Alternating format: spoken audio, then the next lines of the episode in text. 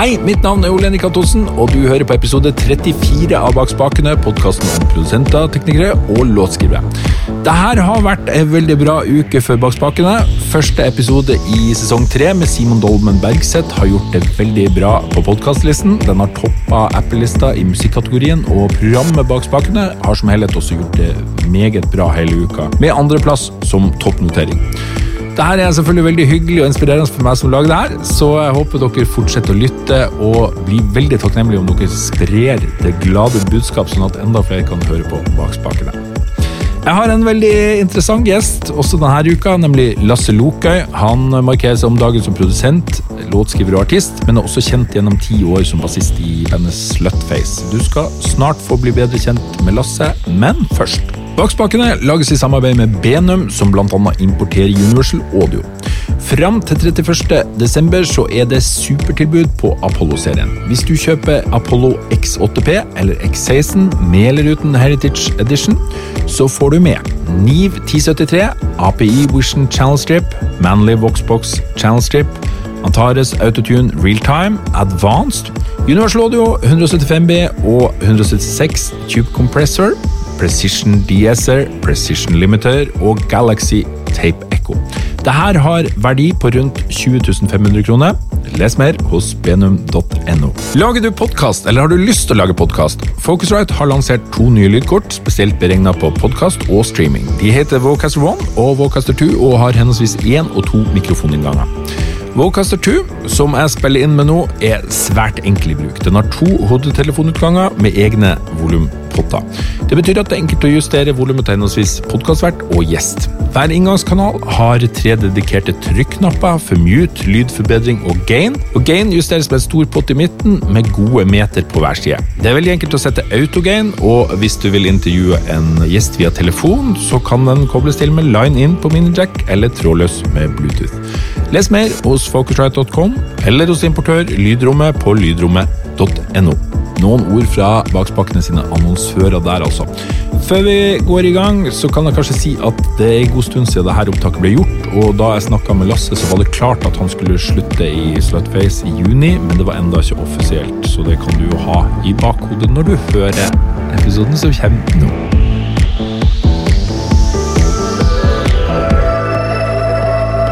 Velkommen til eh, Bak spakene, Lasse Lokøy.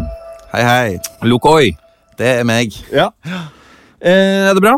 Eh, det vil jeg si. det vil jeg si. Eh, liksom Nettopp eh, landa i Norge og fått jetlagen under kontroll. Ja. Hvor har du vært? Jeg har vært i LA, Los LA? Angeles. Oh yeah. Yes. Ja. Så det har vært eh, en hyggelig opplevelse, og det har vært deilig å komme hjem og se litt kjente ansikter. Begynner liksom å forstå mer hva det vil si å ha gamle venner. Ja. Og det kjenner jeg er en god, en god følelse. Sånn, Jeg har vært veldig sånn, takknemlig for å henge med de gamle vennene mine. Fett. Bor du i Oslo nå, eller hvor bor du? Jeg bor i Oslo. Ja. Du, eh, jeg har jo kjent deg noen år, eh, litt, via Nopa, der du jobba. Jeg er jo tilknytta til Nopa. Men plutselig så har det skjedd noe. Det er opptil flere i denne podden som har sagt at du er den hippeste produsenten i Norge for tida. Ai. Medfører det riktighet? Eh, nei, det kan jeg jo ikke, det kan jeg ikke bekrefte uh, selv. Men uh, jeg er veldig takknemlig for at, at, at, at, så mange hyggelige fagfolk sier det. Ja. um, Det er veldig fra sidelinja, altså, det er veldig imponerende å se. da, for du, du har jo vært kjent gjennom bandet ditt Slutface, og, og, men plutselig så har det skjedd noe. da. Du har jobba Eller jeg vet ikke om det er plutselig, men, men du har jobba med en haug med folk som vi sikkert skal, skal inn på. Jeg eh, jeg eh, hadde, hadde en ganske sånn klar og tydelig idé av meg selv eh, litt sånn tidlig i Slutface-karrieren at jeg egentlig også var en produsent. Fordi at jeg gjorde Slutface-demoer, liksom, men samtidig så hadde jeg min første session eh, med, med en låtskriver, og så gikk det skikkelig dårlig. Og hun var bare sånn Nei, jeg tror ikke vi trenger jobbe igjen. Så Nei. tenkte jeg sånn, «Å ja, herregud, her, her går jeg rundt og har et bilde av meg selv som en produsent, men jeg klarer ikke å lage noe som låter bra. Um, og det ble egentlig bare til et sånt prosjekt. da, ok, Nå skal jeg se om jeg klarer å lage noe som låter bra. Uh, og jeg hadde noen gamle sanger som jeg hadde skrevet på videregående. Uh, som jeg på en måte bare jeg gjorde bare et prosjekt. Nå skal jeg liksom få disse sangene til å høres bra ut. Um, så, og det var på en måte den aktiviteten jeg gjorde i baksetet i tourbussen eh, med Slutface i to år. Ja. Så det var på en måte den måten, den metoden da, jeg hadde når jeg lærte meg det. For jeg har ikke studert noe musikk annet enn når jeg gikk på musikklinjen. Nei. Um, så, så, det, så alt som proddmessig har på en måte bare vært å prøve og feile. Mm. Um, men så det føles jo veldig sånn Det føles kanskje litt sånn plutselig, siden alt skjedde jo samtidig som Slutface, men jeg på en måte jobba Jobba sånn 200% en periode fordi jeg hadde lyst til å bli um, Hadde lyst til å bli en flink produsent. Hadde lyst til å klare å lage produksjoner. Mm. Hvordan har, altså Hvis vi tar Slutface, da, hvordan har rollefordelinga i bandet der vært? Altså, den, den, den har vært veldig sånn old school band. Vi har, uh, har tydelige roller. Uh, så Tor Arne økonomiansvarlig, jeg sosiale medieansvarlig, hele litt sånn general management-roller. um, når det kommer til låtskriving, så er vi veldig sånn sjef over eget instrument. Veldig sånn, Vi skriver i et øvingslokale, og vi skriver mens vi spiller sangene om igjen og om igjen. om igjen. Ja. Um, så det er en veldig sånn analog prosess. Det er sånn jeg har lært Det er sånn jeg har lært instrumenter, det er sånn jeg har lært å skrive musikk. Uh, men det er jo det er helt motsatte av det jeg gjør nå, som hvor jeg sitter foran en data og finner en loop og skriver på toppen av den loopen. Ja. som er på en måte stikk motsatt, men veldig gøye prosesser begge to. Mm. Hvordan var produksjonen i, i Slutface? Var det også et, et sånn dugnadsarbeid, eller hadde dere eksterne? Hvem Ja, vi, vi, vi hadde alltid eksterne. Um, Litt fordi at uh, um, Som eksterne, som, altså produsenter som også på en måte var engineerer. Um, og vi jobbet mye med en som Dan Austin.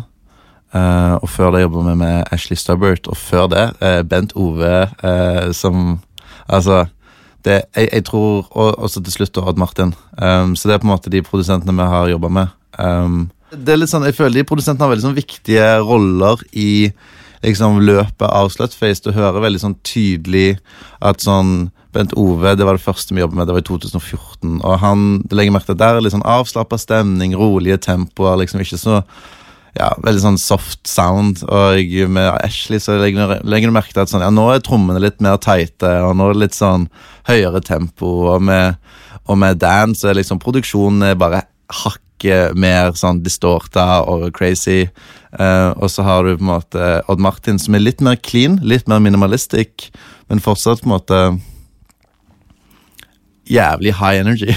Ja. Så jeg føler liksom jeg, det, det er ikke sånn en rød tråd som går opp eller ned, på en måte, men det, det er bare morsomt å se siden når jeg hører på Slutface-produksjoner nå, og ser liksom tilbake på hva sound som på en måte var mest oss, så stiger jeg med en sånn følelse at debutalbumet vårt og var sånn, wow, shit, dette her låter jævlig kult. Og andre platen også er kul, men jeg legger merke til sånn, meg personlig sånn nostalgisk sett. Ah, nå, Odd Martin må ikke bli lei seg nå hvis han hører på dette. Men, uh, men Dan Men, men jeg skal, eh, bare for å Odd Martin har vært gjest her, jeg skal eh, gi han litt kred, tror jeg. For når jeg, jeg har hørt mye på Du sendte meg liste med, med tingene som du har gjort. eh, Så det er akkurat som det går et skille på en eller annen måte. du har gjort mange forskjellige ting, men akkurat som det går en sånn skille i lyd. Og det er for en stund siden. Og jeg opplever at det er akkurat som plutselig så låter alt mye bedre. Så prøver jeg å analysere hva, hva er greia. Ofte er det et bassriff eller et eller annet i bånn. Det er ganske Jeg tenker at det er en rød tråd, men, men plutselig er ting falt litt mer på plass. Og jeg tror det er det at det er litt mer minimalistisk på en eller annen måte. Altså at det, det er mer plass til Kanskje det er for at du har hatt bedre folk, eller du har blitt bedre å mikse, jeg vet ikke hva, men, men, men det er akkurat som Jeg skjønner at det har skjedd ting i karrieren din, for det, det har kommet til et annet nivå, på en måte. Ja, og det, takk, jobben det er sånn, Jeg husker at jeg var på en masterclass med Mathias Telles, som sa en gang at uh, du trenger ikke mikse en sang hvis den er godt arrangert. Nei. Og så tenkte jeg sånn Damn, there you have it. Fordi sånn for min del så jeg bruker egentlig veldig lite EQ-er. Ja. Bruker eh, sånn det, det er litt sånn jeg, jeg, jeg håper jo på en måte bare at de lydene jeg tar inn i prosjektfilen, på en måte ofte bare funker der det er. Så hvis man på en måte istedenfor å layere tre kicks, så finner du én kick som bare Mm. funker. Så kan du heller ha den jævlig høy. Mm. Det er liksom all, alltid likt den um, måten å, å, å, å jobbe på. Um, og av og til funker det kjempebra, og noen ganger så funker det ikke i det hele tatt, og så sitter du der og legger på syv snares, og ingen funker. Mm. um, men jeg tror definitivt at liksom At det som det, Den kvaliteten jeg liker best med de sangene som jeg er mest fornøyd med, er at de har four tracks. De Mm. er sånn fire instrumenter, type produksjoner. Hvis du vil klare å få en låt til å stå med fire spor, så tenker jeg sånn, da har du et godt arrangement. Mm. Det er noe med det, for det, det, jeg tror det eldste feilen i boka òg er jo det der å bare legge på. Ja, her mangler det, og så legger du på, og så legger du på. Men når du har veldig få ting, for det første så er det mye lettere å få til å låte til slutt, og for det andre så så er det også sånn at det, det stiller også noen krav til de elementene som er der. De må faen meg være bra. Det er helt rett. Det er sånn um, Det var en venn av meg som sa det at sånn at uh, menneskelig Altså at, at menneskehodet klarer å fokusere på tre musikalske elementer samtidig. Ja. Så, så på en måte det er derfor på en måte mange refrenger nå da har på en måte trommer, bass og vokal. Eller det er ikke sånn at det er noe nytt, da, men det er på en måte hvorfor det er en sånn classic ting. Mm. er fordi du klarer på en måte vie oppmerksomhet til alle tre elementer. Ja. Og det fungerer liksom fortsatt som en perfekt helhet. Ja. uh, og jeg tenkte på det sånn Det er sånn De sangene igjen, da, som er på en måte der jeg føler at jeg er best, er når jeg har en basslinje og en trommegroove som funker dritbra sammen. Og hvis du da får en vokal som akkompagnerer det, eller som legger til det riktige Du, du vet en bassist som snakker nå. Hvis du da får en vokal som akkompagnerer basslinja ja, for min del så er det jo sånn prosessen går. Sant? Jeg skriver jo veldig sjelden vokallinjen først, og så lager en basslinje. Det er alltid basslinjen først, liksom. Ja, ja, ja, for det er sånn låtene dine blir til. Du starter med det. Ja, veldig, veldig ofte så har jeg, må, jeg må liksom ha litt beat, som det heter. Eh, litt, litt, litt prod. Eh, veldig sjelden så blir jeg gira av å bare sitte med en kassegitar alene. Jeg må på en måte ha spilt det inn og kunne høre på det. Og legge på litt effekter og sånt. Jeg, jeg tror det er sykt viktig for meg. Ja, Korus på bassen. Korus på bassen. Korus på bassen og jeg, hva faen skal vi kalle det? Eh, Det er sånn, Ofte har jeg tenkt sånn De er mm, subtile kryddertingene som egentlig ingen hører etter, altså ingen legger merke til, de kan være helt sykt viktige for meg. Mm, For at jeg skal få en idé. Og jeg, jeg tror det er viktig. Jeg, jeg tror også at, at eh, det er det er også ganske kult, eller som jeg tenker på når jeg, når jeg har hørt eh, musikken din også, det, det er faktisk et rom som er litt ledig for tida, for at bass har vært litt anonymt, og det har vært litt sånn, det har vært feite 808-trom og alt det her. Eh, så bassen har vært litt sånn eh, i bakevja, eh, i mange sjangre i hvert fall. Så, så der eh, i seg sjøl så er man liksom litt original, bare med Ja, stemme. musikalske bassganger. Ja, det kan Og med McCartney-tradisjonen.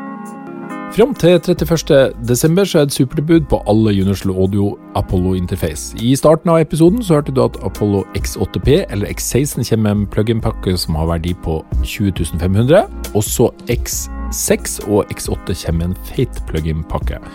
Hvis du kjøper et av disse interfacene i løpet av året, så får du med Niv 1073, API Vision Channel Strip, Manly Voxbox Channel Strip, Antares Autotune Realtime Advanced, Precision DSR, Precision Limiter og Galaxy Tape Echo.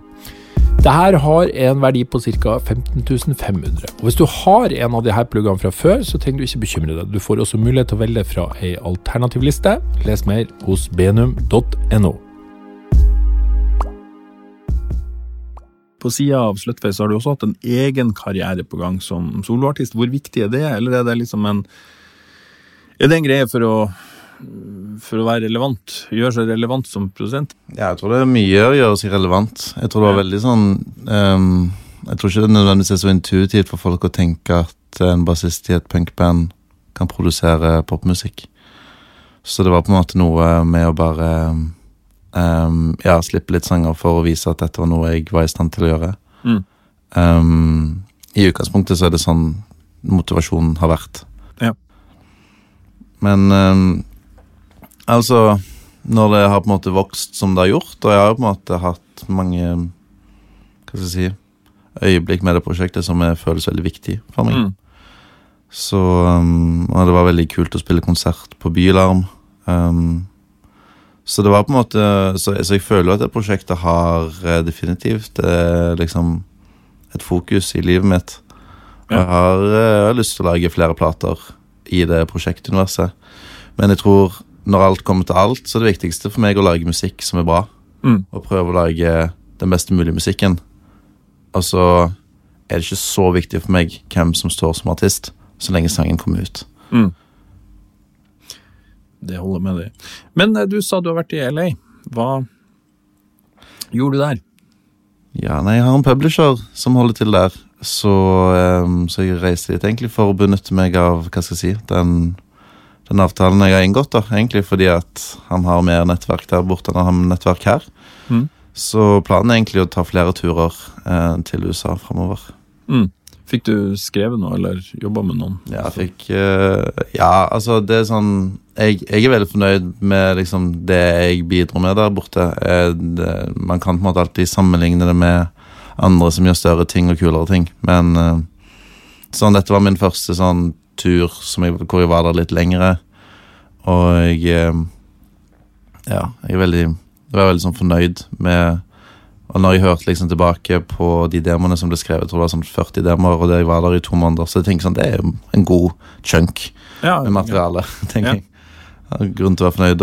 Og så var det sånn, jeg fikk liksom altså, altså, Jeg føler halve, halve pakken der borte er måte å, å gå på fester, bli kjent med folk, få deg litt venner som på en måte ikke nødvendigvis bare er en del av den samme skriveboblen, men også litt sånn utenifra. Og jeg følte at jeg fikk det også. Så jeg er veldig sånn Hva, hva du som annerledes med å jobbe der kontra her? Sånn rent sånn uh, teknisk, uh, så syns jeg at folk der borte synger bedre. Det gjør de. Synger de enda med autotune på mens de trekker? Eh, noen gjør det. Noen gjør det. Um, jeg eh, Kanskje Altså, det, det som jeg også syns var gøy der, og det, det er på en måte det samme som jeg tror egentlig man kan gjøre her, men jeg opplevde et veldig stort sprang da, mellom liksom hva man kunne gjøre en dag. En dag kunne vi gjøre skikkelig sånn grimy, rar hiphop. Og så neste dag så gjør man helt sinnssykt slik TikTok-pop. Ja. Og det er sånn Det er gøy, da, å gjøre Og liksom Ja, jeg, jeg føler at de går i sånn ganske, ganske, ganske ekstreme retninger begge, begge veier. Og, og det jeg også syns er motiverende der borte, er at du ser at sånne artister som gjør helt ekstreme ting, kan også få store lyttertall og spille store shows. Um, jeg har liksom vært litt sånn redd for Jeg tror jeg har vært mye redd for egentlig mm, i litt sånn senere tid i når jeg jobber med det, at jeg er redd for å gjøre ting for rart. For jeg tenker at da vil ikke folk høre på det. Nei. Og det syns jeg er litt synd. Mm. Um, og jeg la merke til at jeg kunne slippe den, det litt fra meg. Mm. Um, og jeg tenkte ikke noe særlig over om jeg syntes det var for rart eller for kommersielt. Jeg bare gikk med flyten. Mm. Og det syns jeg var deilig. Ja, det skjønner jeg. Eh, Og det er nesten sånn i et altså, Det har jo litt med størrelsen på markedet òg, at en nisje kan være svær, da, men, men det er sånn nesten at man kan Jo særere, jo bedre. Er det litt sånn, da, eller hva tenker du? Nei, Jeg vet ikke. Det, det på en måte kommer jo an på hvilken artist man, man jobber med eller har lyst til å, å skrive for. Sant? Noen, altså, og det er det igjen det jeg også syns er litt morsomt. For noen artister legger du bare merke til sånn, de vil ha De vil ha det så reinspikka kommersielt og så sykt poppete. Mm. Dritkult, da vet vi det, og så da jobber vi ut fra de parameterne. Jeg har ikke lyst til å gjøre det hver dag, men det er kult å gjøre det én dag. Mm. En dag her og der. En gang i måneden. Ja. det passer meg perfekt. Ja. men, eh, men ja, så Men så, så opplevde jeg òg samtidig at um, At jeg kunne liksom gå jeg, ja, jeg kunne gå inn i et rom og foreslå noen helt psyko rare ting, liksom. Og folk sånn, ja, la oss bare gjøre det. Ja, herregud, why not? liksom.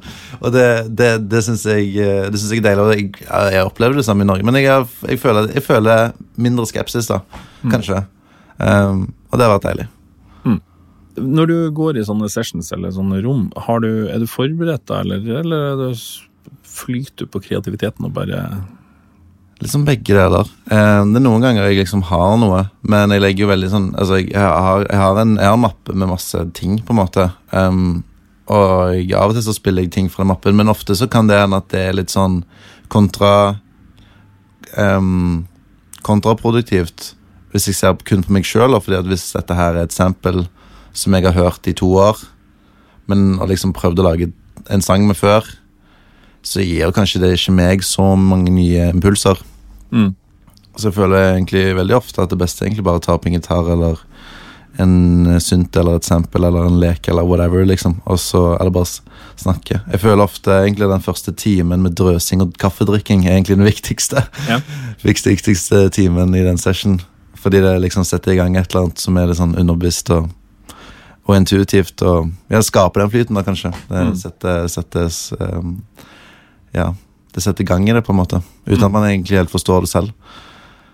Det er noe med det, selv når du møter folk som du aldri har møtt. altså Det er en veldig intim greie å, å skrive sanger sammen, og så møte noen som du aldri har møtt. Kanskje Mm. så er det noe energi der som jeg tror er veldig Ja, jeg har tenkt mye på det, egentlig. At jeg synes det er en veldig morsom måte å bli kjent med folk på. For det er ofte sånn Sånn, jeg får liksom sånn skrive med en artist og som har lyst til å ta inn sine ting fra eget liv. Og hvis jeg skriver til meg sjøl, så i en session så er jeg veldig sånn tydelig på at da er, da er sangen en dagbok, på en måte. Um, men, eh, men, men, men i de situasjonene da, så ender du opp med å liksom, få få vite mye om den personen. Og det er veldig, jeg syns det er veldig fint. Mm. Jeg syns jo generelt at eh, mennesker bruker litt for mye tid på smalltalk. Ja. og jeg, eh, så jeg setter jo bare pris på liksom bli kjent med folk og kutte ut den delen av, av hva skal jeg si, sosiale etiketten. mm. Gå rett på de store problemene. Ja, rett på traumene. Rett på traumene.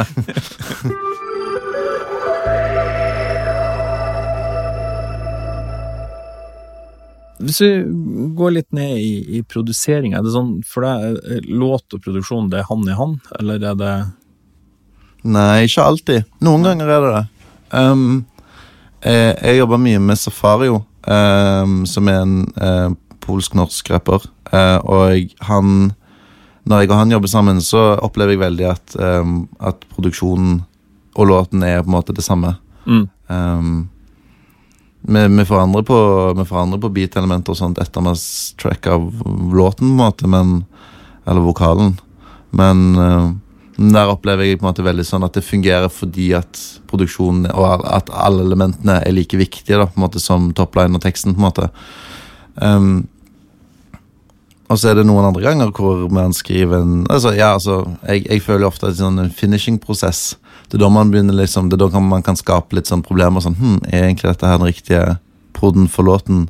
Så kan man sette av en halv dag til bare å lage en helt ny prod og bare se om det blir bedre.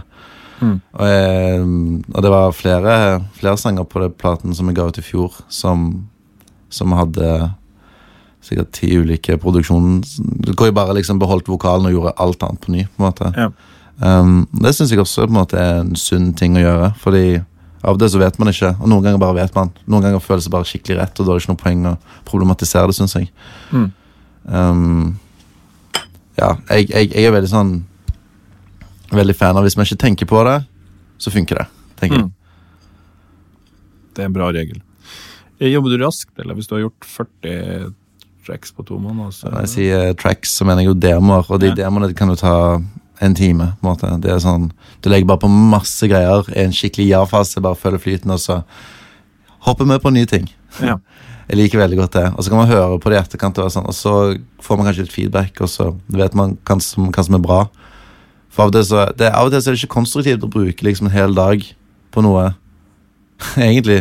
Fordi, du, fordi det kan hende du liksom har fem andre impulser inni deg som du bare kan la flyte.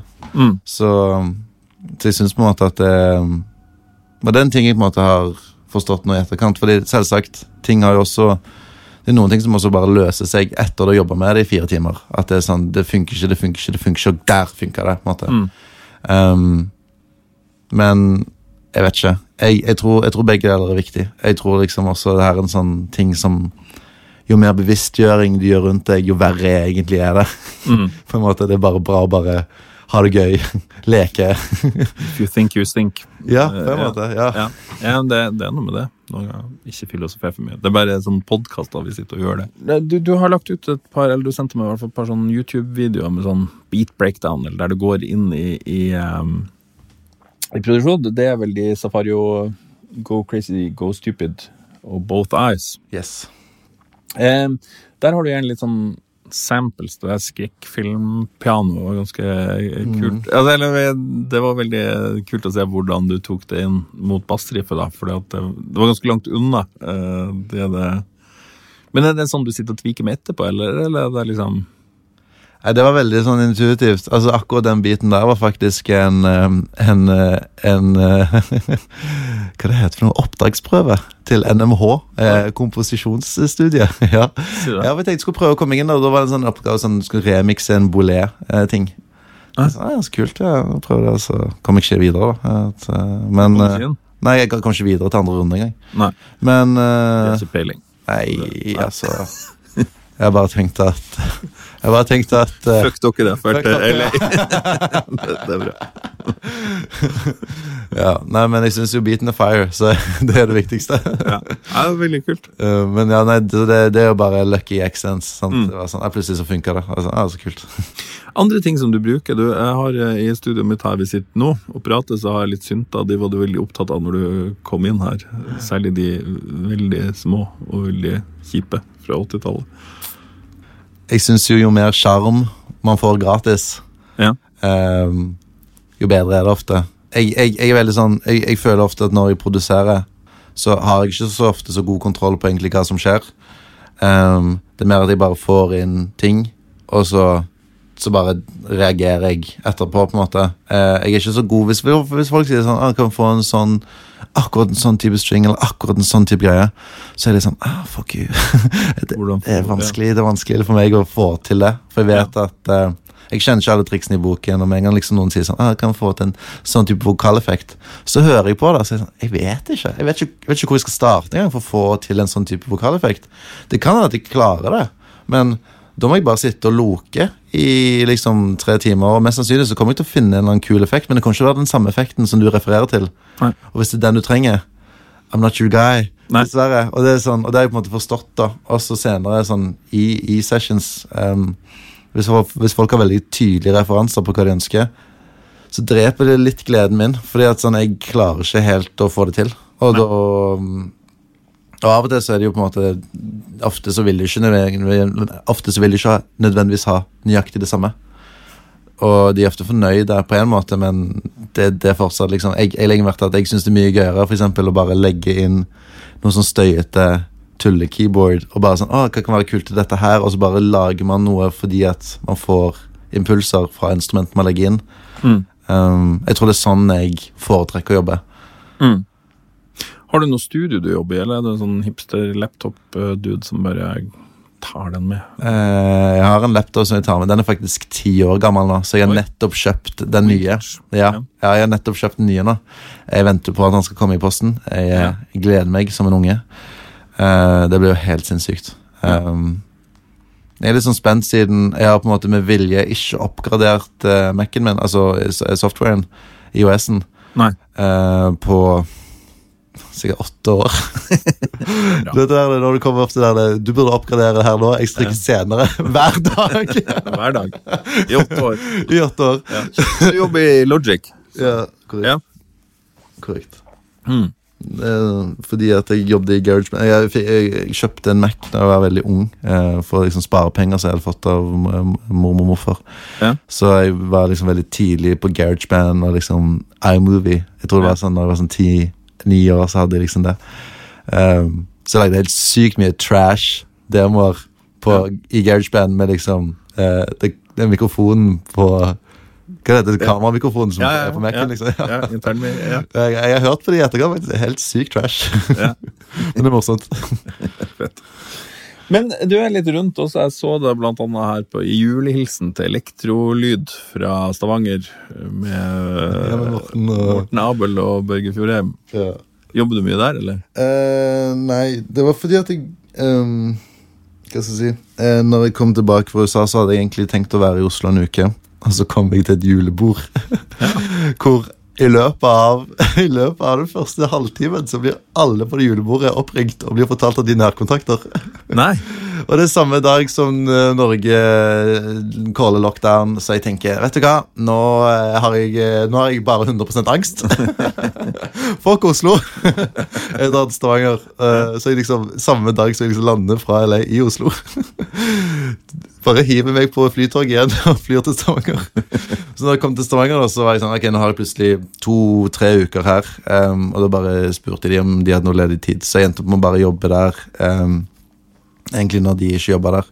Ja. Som er kjempe, det er, altså, det er helt konge. Jeg elsker det studioet. Eh, helt sykt fint det de har fått til på Tau scene der nå. Så Mm. det, var, det var skikkelig fint å kunne sitte der i romjulen. Fett. Så du jobber litt? Ja, Det vil jeg si. Jeg, eh, så på de Ja, jeg så over den mappen da med de 40 tingene og tok en evalueringrunde på hva som jeg syntes var bra nok til å fortsette å jobbe på det. Mm. Det er fint. Ja.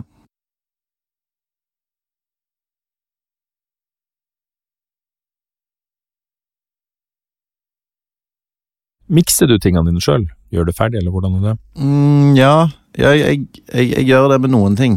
Um, jeg mikser det Det er ikke alltid at jeg føler at jeg klarer å mikse det um, til, til, til det jeg på en måte ønsker at det skulle høres ut som. Um, egentlig så er det egentlig veldig sjelden at jeg føler at jeg klarer det. Men det er veldig dyrt å få noen flinke miksere. Um, til, med, ja, til, å, til å gjøre det bedre enn det jeg på en måte Eller til å gjøre det på den måten jeg ønsker det.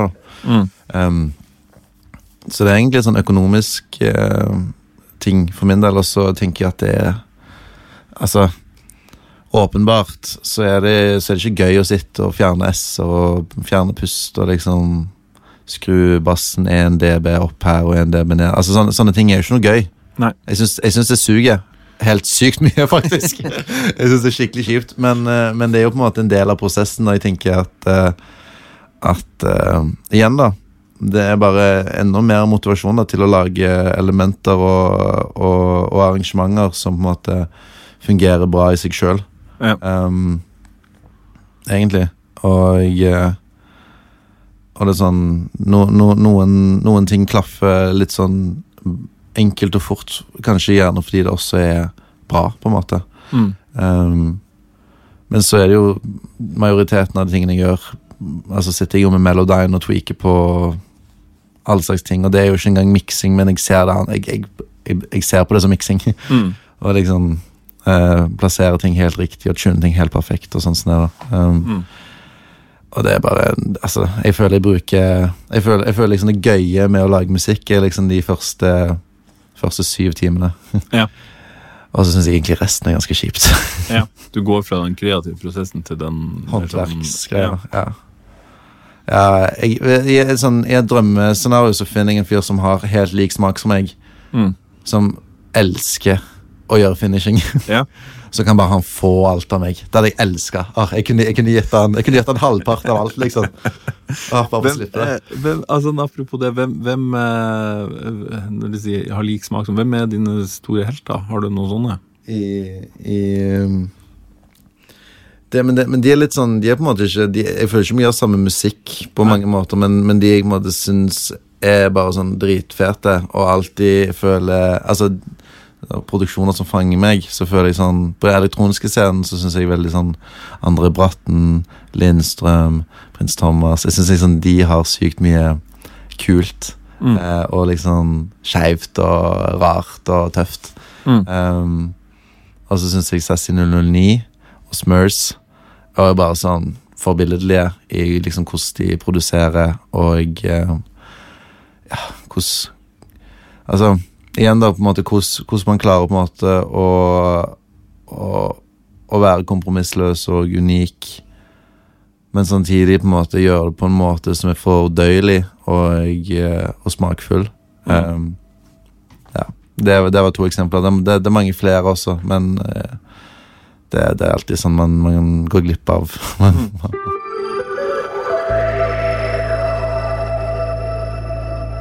I episode 29 snakker jeg med Trond Nedberg om lydrestaurering. Da høres det ut sånn som det her. Ja, la oss høre på før og etter nå. God dag, kjære naboer. Hei, hei, Arnesen. God dag, kjære naboer. Hei, hei, Arnesen. Det funker, det, altså. Det funker, det. Hvis du hører, så er det jo enda litt sus baki. Hvis jeg tok bort enda mer, så går det for mye utover dialogen. Ja. Men det man da kan gjøre, er jo å bruke eh, det som heter et noise print. Ja. Hva er egentlig det? Hvis du vil høre mer om noise print og lydrestaurering, så må du sjekke ut episode 29. La oss snakke litt om businessaspektet ved det her å drive på. Du har gjort det en god stund, og du har kommet en lang vei. Har du noe som hjelper deg? Hvordan får man publishing i LA, liksom? Jeg tror ehm, Jeg tror det er viktig å melde seg på ting. Nå har vi mye bra opplegg her i Norge, som du kan liksom melde deg på camps og, og masterclass-programmer og liksom gå på ting. Hvis du er gira på å bli kjent med folk og, og utvide, så tenker jeg at det er en bra ting. Men jeg, men jeg tror egentlig det viktigste, som jeg tror sånn, Og dette er en personlig ting, det er ikke alle som har det sånn. Um, men med en gang jeg slutter å synes musikk er gøy, Mm. så, så hater jeg det. Og jeg, jeg legger bare merke til sånn Hvis du jobber med en artist, ikke fordi du syns det er gøy, men fordi at du tenker at her får jeg en cut, eller her Her er det et stort produksjonshonorar, eller whatever. Så er man på en måte inni det for feil grunn, på en måte. Mm. Og jeg, eh, det er veldig viktig for meg at det er gøy. Hvis det ikke er gøy, så er det ikke noe poeng å gjøre det. Fordi at da, For det første så mister jeg kompassnålen min til å fungere som en, et kunstnerisk individ. Ja, ja, ja. Um, Det er jo særdeles viktig. ja, ja, men det er det. Altså, så, så det er litt sånn Men det er litt utfordrende som en sånn bakom-person, da. Altså som en som du sa, at det viktigste at musikken kommer ut. Ja, men, men og, og, og om det liksom er et ord her og der som jeg er uenig på, så er ikke jeg en sånn megakompromissløs fyr som blir megasur og sta. Nei. Men jeg tenker det at det gjør litt vondt, er jo et godt tegn. Mm. Fordi da bryr du deg om det. sant? Mm. Så, så egentlig syns jeg bare det er bra. Hvis det er knuffing i studio, så betyr det at folk bryr seg. Det er kjempebra. Ja. Det er jo noe med det. Altså de alle, Noen av de mest berømte platene i historien, har, når du leser om dem, så har det vært et helvete å lage. Og det, så, så, så det kan jo komme noe godt ut av det. Ja, men jeg tror bare sånn, det er veldig viktig. Det er veldig viktig å være ærlig. Mm. Hvis du synes at noe er bedre enn det andre, så skal man si ifra. Og så kan man heller ta feil. Ja. Det er helt greit å ta feil. Men her, eh, du har jo etter hvert veldig mange sånne samarbeid. Eh, Hvordan blir de til? Hvordan, hvordan starter en sånn prosess? Sender du mail til folk, eller møter du på fest, eller Ja, begge deler. Ja. Begge deler. Litt mail, litt Instagram. altså Mye, mye, mye sånn DMs. Um, Ja. um, egentlig de Hva skriver du da? F fet låt? Sjekk ut min Det varierer. Noen ganger så vil jeg jo bare ha en session. Eh, og noen ganger så har jeg jo en låt hvor jeg tenker at den eh, her hadde passet til den stemmen. Ja, altså til den personen. Så egentlig så tenker jeg jo bare at Jeg vet ikke. Jeg er ofte litt sånn positivt overraska over hva jeg får svar på. Jeg har vært veldig sånn Veldig mange ganger har jeg tenkt sånn Ja, den personen kommer aldri til å svare. Og så svarer han. Så ja, så kult. Mm.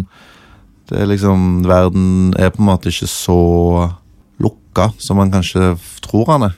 Nei. Og det er sånn jeg, jeg tror på en måte at jeg har innsett det litt sånn sakte, men sikkert. At hvis du spør folk om å gjøre ting, og liksom inviterer dem med i en prosess, så kan det godt hende at de bare syns det er gøy og kult og, og spennende. Um, jeg tror det har vært veldig naturlig for meg siden jeg på en måte ikke har uh, tenkt at stemmen min har vært sterk nok til å bruke uh, som en rød tråd i dette prosjektet. At eh, det er produksjonene som er den røde tråden i mitt prosjekt. Mm. Um, og da har jeg på en måte alltid liksom vært litt på hugget etter å lete etter stemmer. Og i starten så skrev jeg på en måte alt helt selv. Den første EP-en jeg ga ut. Eh, så, er, så er det jeg som eier alle Så så er jeg som jeg skrev alt, da. Men um, det er jo ikke jeg som synger alt, på en måte. Uh, og så gikk jeg på en måte mer og mer vekk ifra det, bare fordi at det tar så sykt lang tid for meg å skrive musikk alene. Mm. Um, jeg bruker så lang tid på å fokusere på feil ting. Tenker at det som er dritt, er bra, og motsatt. Er du utålmodig av natur? Nei, jeg, jeg vet ikke om jeg er det. Jeg, jeg, jeg bare legger merke til at jeg, er en sånn, jeg, jeg kan bli litt sånn toxic i mitt eget hode. da Ja. Jeg liker veldig godt å ha noen andre i rommet. Det trenger ikke nødvendigvis være en musikalsk person, men bare en som kan liksom ta meg litt ut av det Det hodet av og til. da Og bare være sånn Å, det var kult. Nei, det, hva du holder på med? Det suger jo. Ja. Om de syns det suger, så kan jeg argumentere litt for det ikke, hvorfor det ikke suger. Eh, og som også kan være en god ting, på en måte. Ja. Eh, og noen, noen ganger er det bra å være alene, altså, så jeg vet da faen ikke. Det Nei. sånn, Vanskelig å ja, konkludere. ja, og igjen da, så tenker jeg sånn Flyten. Ja. Bare være i det. Og det er sånn, hvis, noen ganger så er det bra å jobbe med andre, noen ganger er det bra å jobbe alene. Mm.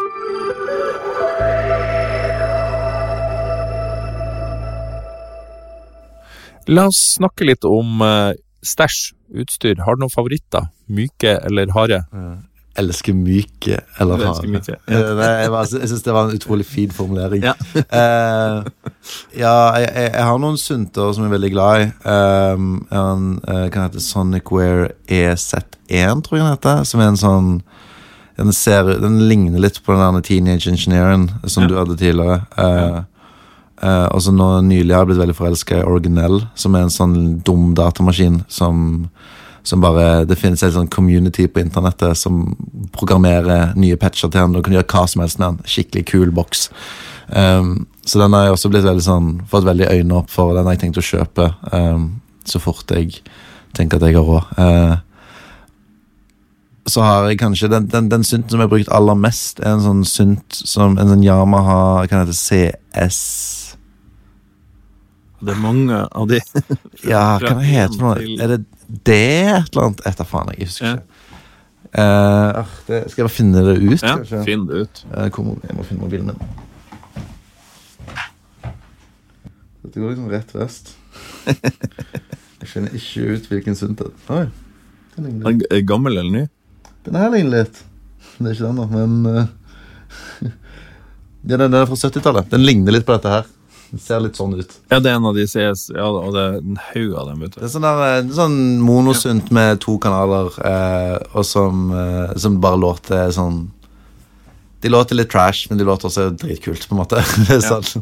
Og det er egentlig litt det jeg prøver å si da med de småsyntene. Ja. Er sånn, jeg trenger jeg, sånn, jeg dør for den sjarmen Ja. de syntene tar inn. Og jeg pleier som regel aldri å EQ de heller, for jeg syns det er så kult at de bare er så sykt sånn. De, de er sånne troll du bare hiver inn i en dataverden. Og så Og det, det er også litt sånn der, altså de der gamle Casio som, altså Det er noe du aldri klarer å få til ordentlig i en plug-in eller en software, for det de er så fine, da. Det sånn, selv om de har sampla lyden, så har de liksom alltid falt for fristelsen med å liksom gjøre det litt for pent. Ja, det er sant. Og jeg har tenkt liksom mye på det også sånn når jeg starta helt i starten og ikke hadde noe Når jeg ikke hadde noe analoge synter, så var jeg jo sånn Gikk jeg jo på YouTube og fant tutorials med disse syntene og lasta de tutorialsene ned. Og så brukte jeg det som samples Ja. istedenfor å bruke sånne medie-versjoner, siden det syns jeg bare var lame. Ja. Uh, ja, nei, jeg, eh, jeg har fortsatt liksom til gode med å finne kule ting i medieverdenen som, som liksom gir meg den samme gleden, da. Um, det, det, det vel, Midi for meg blir veldig sånn full ofte. At jeg må bare få noe til å funke. da altså, men, men det gir meg aldri den samme type glede som det å på en måte sende inn en lyd som har gått gjennom mikser og en gitarpedal. For da, det, det er bare noe med den prosessen som bare gir meg sykt mye mer glede. Gitarpedaler, har du Jeg har jo en del av det. Uh, mye sånn, mye sånn De beste er jo selvsagt ødelagt, og så får jeg aldri fingeren ut og fikse dem. Koster ofte like mye som å kjøpe en ny. på en måte.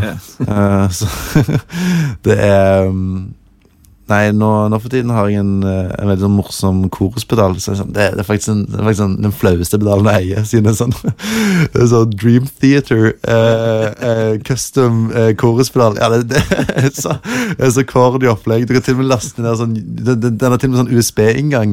Så kan du sånn laste inn sånne custom funksjoner til den pedalen. Er Mega-nerdy opplegg. Men den låter dritbra på syntene mine. Den er helt sinnssykt bra pe- koruspedal. Ja. Så den bruker jeg mye. Og så har jeg Grombass, som er bare en helt konge-distortion. Eh, norsk eh, norsk lagd. Um, og så har jeg en sånn digital delay. Og ofte nå, nå, Akkurat nå så har jeg alle syntene mine kobla til en mikser, så sender jeg den ene mikse-monokanalen ut i denne gitarpedal chainen, gitarpedalchainen. Så alt støyer jo noe forbanna mye, da, men det er jo sykt eh, mye sjarm i det. Og jeg eh, dør jo for den sjarmen. Ja. så, så det gjør jo ingen For meg så gjør det ikke noe at det støyer når det Nei. kommer til instrumenter. Det føles ut som noe man alltid kan fjerne, men ikke, man kan ikke legge på sånne uheldige ting. Det at det piker litt i mikseren, for eksempel. Det gir en helt unik Unik ting som det ikke går an å skape. Eller jeg ikke klarer å skape, iallfall. Um, så ja, jeg, jeg, jeg legger merke til at sånn, ofte så tenker jeg jo mer komplisert man klarer å gjøre det kabelkjøret, Ja. jo mer sånn gratis uhell som jeg ja, som jeg, som jeg liker, da, får man. Mindre signal igjen. Mindre. Ja, ja, det, det er bra, det. Softting. Myke ting. Softing, myke ting. Um, Jeg husker Erlend Mukkelbust fortalte meg eh, Fordi jeg satt og liksom skulle mikse ehm, eh, vokaler til den forrige Ja, den platen jeg slapp i fjor. Og så eh, satt jeg der og klødde meg i hodet, fordi jeg drev og liksom miksa noen sånne spor med min egen vokal, og jeg sang så sykt lavt. Og når du synger så sykt lavt, så blir det de mouthclicksene. Ja. De blir jævlig høye. Eh, og så klarte jeg ikke å fjerne det, så sa han at Oak Sound, da, som er, de har en plug-in som heter Spiff. Og Spiff Hvis dere har det samme problemet og har sånne sykt hviskete vokaler og mye sånne smattelyder, og vil bare fjerne de, Spiff. Spiff. Spiff. Det koster 2500 kroner, som føles som en stor chunk med penger, men bare med tanke på hvor mye tid Ja. det har redda meg ut ifra. Åh, det er så bra. De har en, de har en preset som heter Remove Mouth Clicks. Say no more, tenker jeg bare. Og så er du ferdig med det. Så det er sånn, Den, den går på alt eh, vokalmessig når jeg på en måte nærmer meg den tiden av, av året som er å fullføre ting, da. så det hives biff på. Eh, så det altså jeg, jeg, jeg har mye Waves-ting eh, som jeg merker jeg bruker mye den J37-en. Jeg bruker mye eh, Tal-korusen, som er en gratis koruspedal. Som jeg bare det, Den emulerer den samme koruseffekten som Juno-synten har. Ja. Eh, Støyer den sånn som Juno Støyer ingenting. Nei. Støyer ingenting. Uh, skulle ønske han støya. Nei, men den er dritbra. Jeg, jeg, bruker den, jeg bruker den nesten, nesten konsekvent på bassen min. Ja. Sånn veldig sjeldent unntak Mm. uh, på, på, på den fronten. Hva bruker du ellers på bassen? Uh, jeg bruker en kompressor. Uh, CLA2A veldig ofte, bare fordi jeg syns den er enkel å skru. Um, som òg en sånn um, Waves-emulasjon. Eh, Chris Lord Algie. ja. The best plug-in ever made. Jeg syns jeg synes det. Ja. I like it. I like it. uh, og så syns jeg uh, Og så syns jeg Kramer Tape igjen en sånn eh, Mm. Waves uh, ja, det, sånn, De refererer jo sikkert til analoge ting, Ja, de gjør jo det. Ja. Men men jeg kjenner jo ikke til det. Nei. Så jeg, jeg tenker jo på at Waves har funnet opp Kramer Tape. Ja, ja. Men Og det er nok den beste måten å se det på, for at en del av de som er liksom hardcore analog, de er jo skuffa over sånne ting, eller har en tendens til å være det. da. Men det er ikke noe grunn til egentlig å Nei, altså jeg, Hvis det er en kul gøy, så er jo det ja. Igjen da, sant? Jeg, jeg husker sånn Jeg husker sånn når jeg var på denne masterklassen med Mathias Telle, så så jeg jo hans mikseprosess. Ja. Han sender jo alle tracksene sine ut til de boksene han har rundt omkring. Ja. Så går han rundt i rommet og skrur på det. Ja. Som en sånn herre jeg vet da fader, jeg, sånn En fyr som jobber i butikken, liksom, ser, liksom, ser litt sånn på hullen her, og så ser han litt bort. Og, så, og det var sånn Så misunnelig på den prosessen. Så fysisk han er, og liksom, så mye du kan liksom gå rundt og ta på ting. Store knapper. Åh, det føles så digg, digg ut. bare sånn, Og det låter jo dritkult. Så, så for min del så er nok det et sted sånn fram i tid så har jeg lyst på bokser som jeg òg kan skru på. Mm. Det, det ser kult ut, det føles bra, og det høres sikkert egentlig bedre ut. Og så tror jeg som en gang du gjør prosessen gøy, så tror jeg det også smitter litt inn på hvordan det låter, egentlig. Det, det tror jeg helt klart. Altså det, det er jo en annen prosess, og, og det ser bra ut. Helt, og føles bra ut. Men om det låter eh, bedre altså Det kan diskuteres. Veldig mange som er her og snakker, har jo gått I hvert fall de som mikser, da. Har jo liksom gått Til tross for at de sitter på svære arsenal av bokser og dingser, så, så er det jo ofte sånn at det skjer i boksen fordi at en miks er jo sjelden ferdig når du tenker den er ferdig, tror jeg. Altså det, En remake, en remake, en remake, og, og det å kunne åpne laptopen og starte der du slapp, da. For det kan Ja, nei, altså, jeg, jeg, jeg ser det igjen, da. Sånn, det er jo veldig sånn det, det er veldig forståelig i en sånn finishing-prosess, men jeg ser for meg bare sånn Det å ha litt flere ting da som, som man kanskje kan fargelegge med Mm. eh, i litt sånn tidlig mikseprosess, Ja. tenker jeg hadde vært kult for min del å, å, å eie. Men det har jeg ikke kjøpt ennå. Nei. Det, holdt på å si det er snart jul, det er det ikke, men Nei.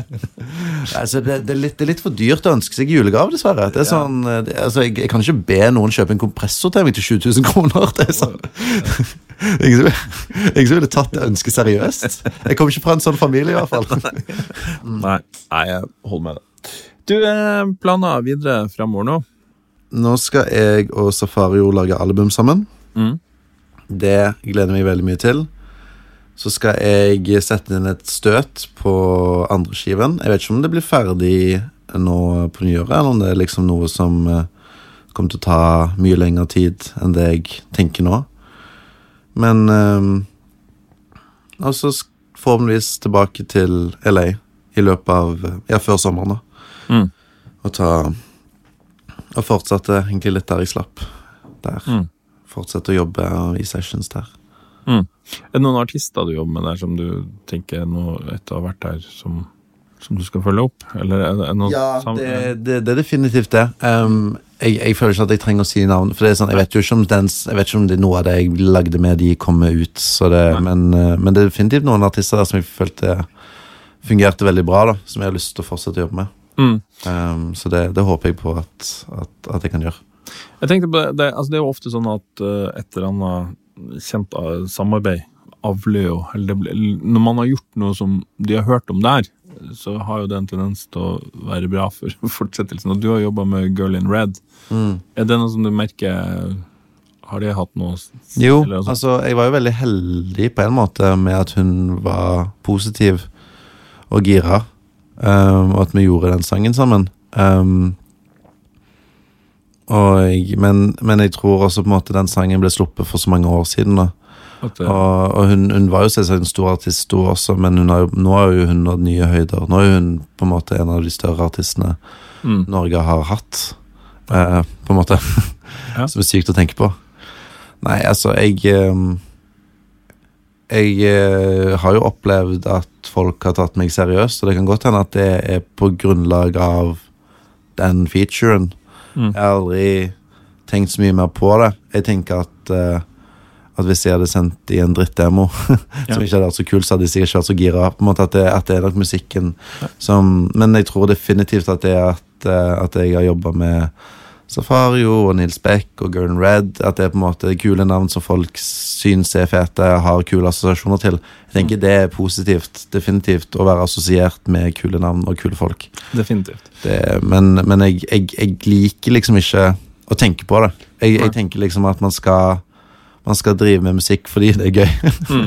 Igjen da, Det høres sånn teit ut å repetere det, men jeg, det, er, det, det er så mye sannhet i det, tror jeg. At uh, Jeg tror med en gang du på en måte chase clout, som det heter på uh, Altså jager bare liksom Det overfladiske ved kunstnere og artister, så tror jeg det blir litt sånn Ja, nei, da tror jeg man mister mye av av, av det som kan bli et, i et bra samarbeid. da Mm.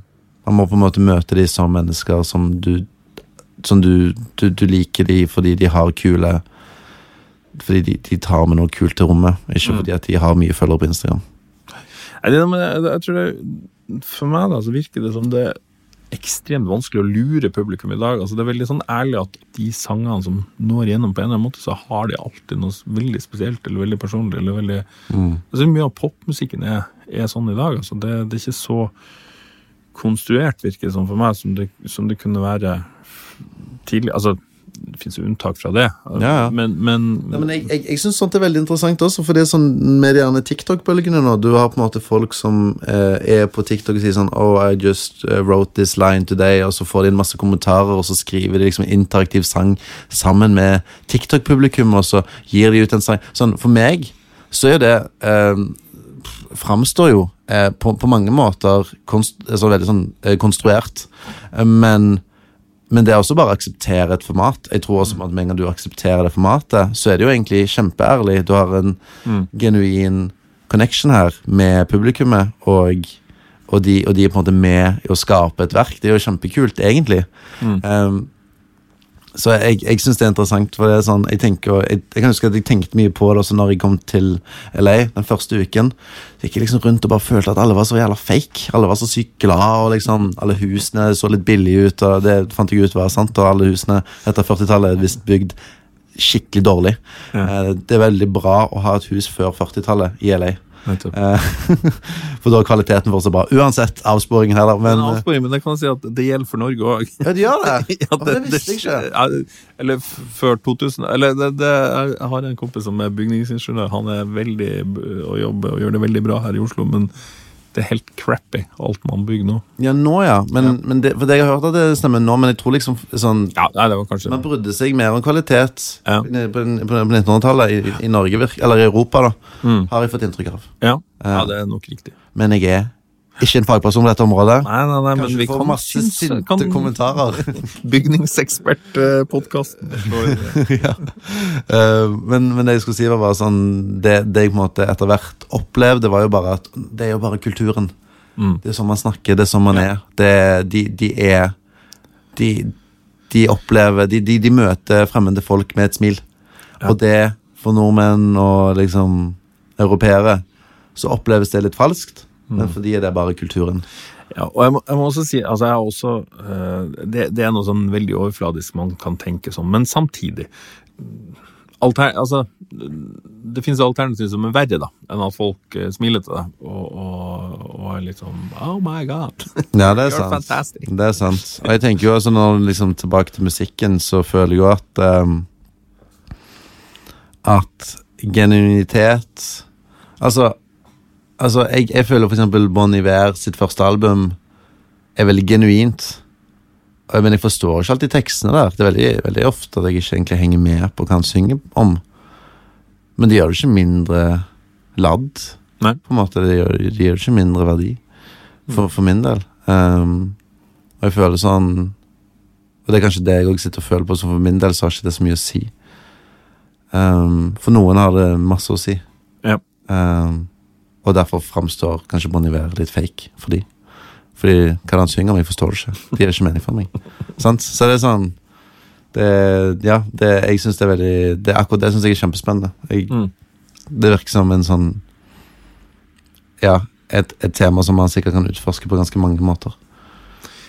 Men det er jo klassisk kunst, da. Altså det der med å ikke forstå ting. eh, Eller, og noen mm, forstår det veldig, og, og, og har kanskje ikke skjønt det i det hele tatt. Men, men det er jo egentlig litt fint òg, da. Ja.